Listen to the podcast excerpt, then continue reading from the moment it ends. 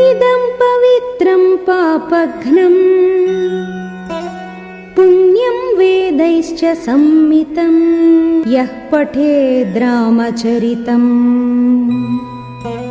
सर्वपापैः प्रमुच्यते।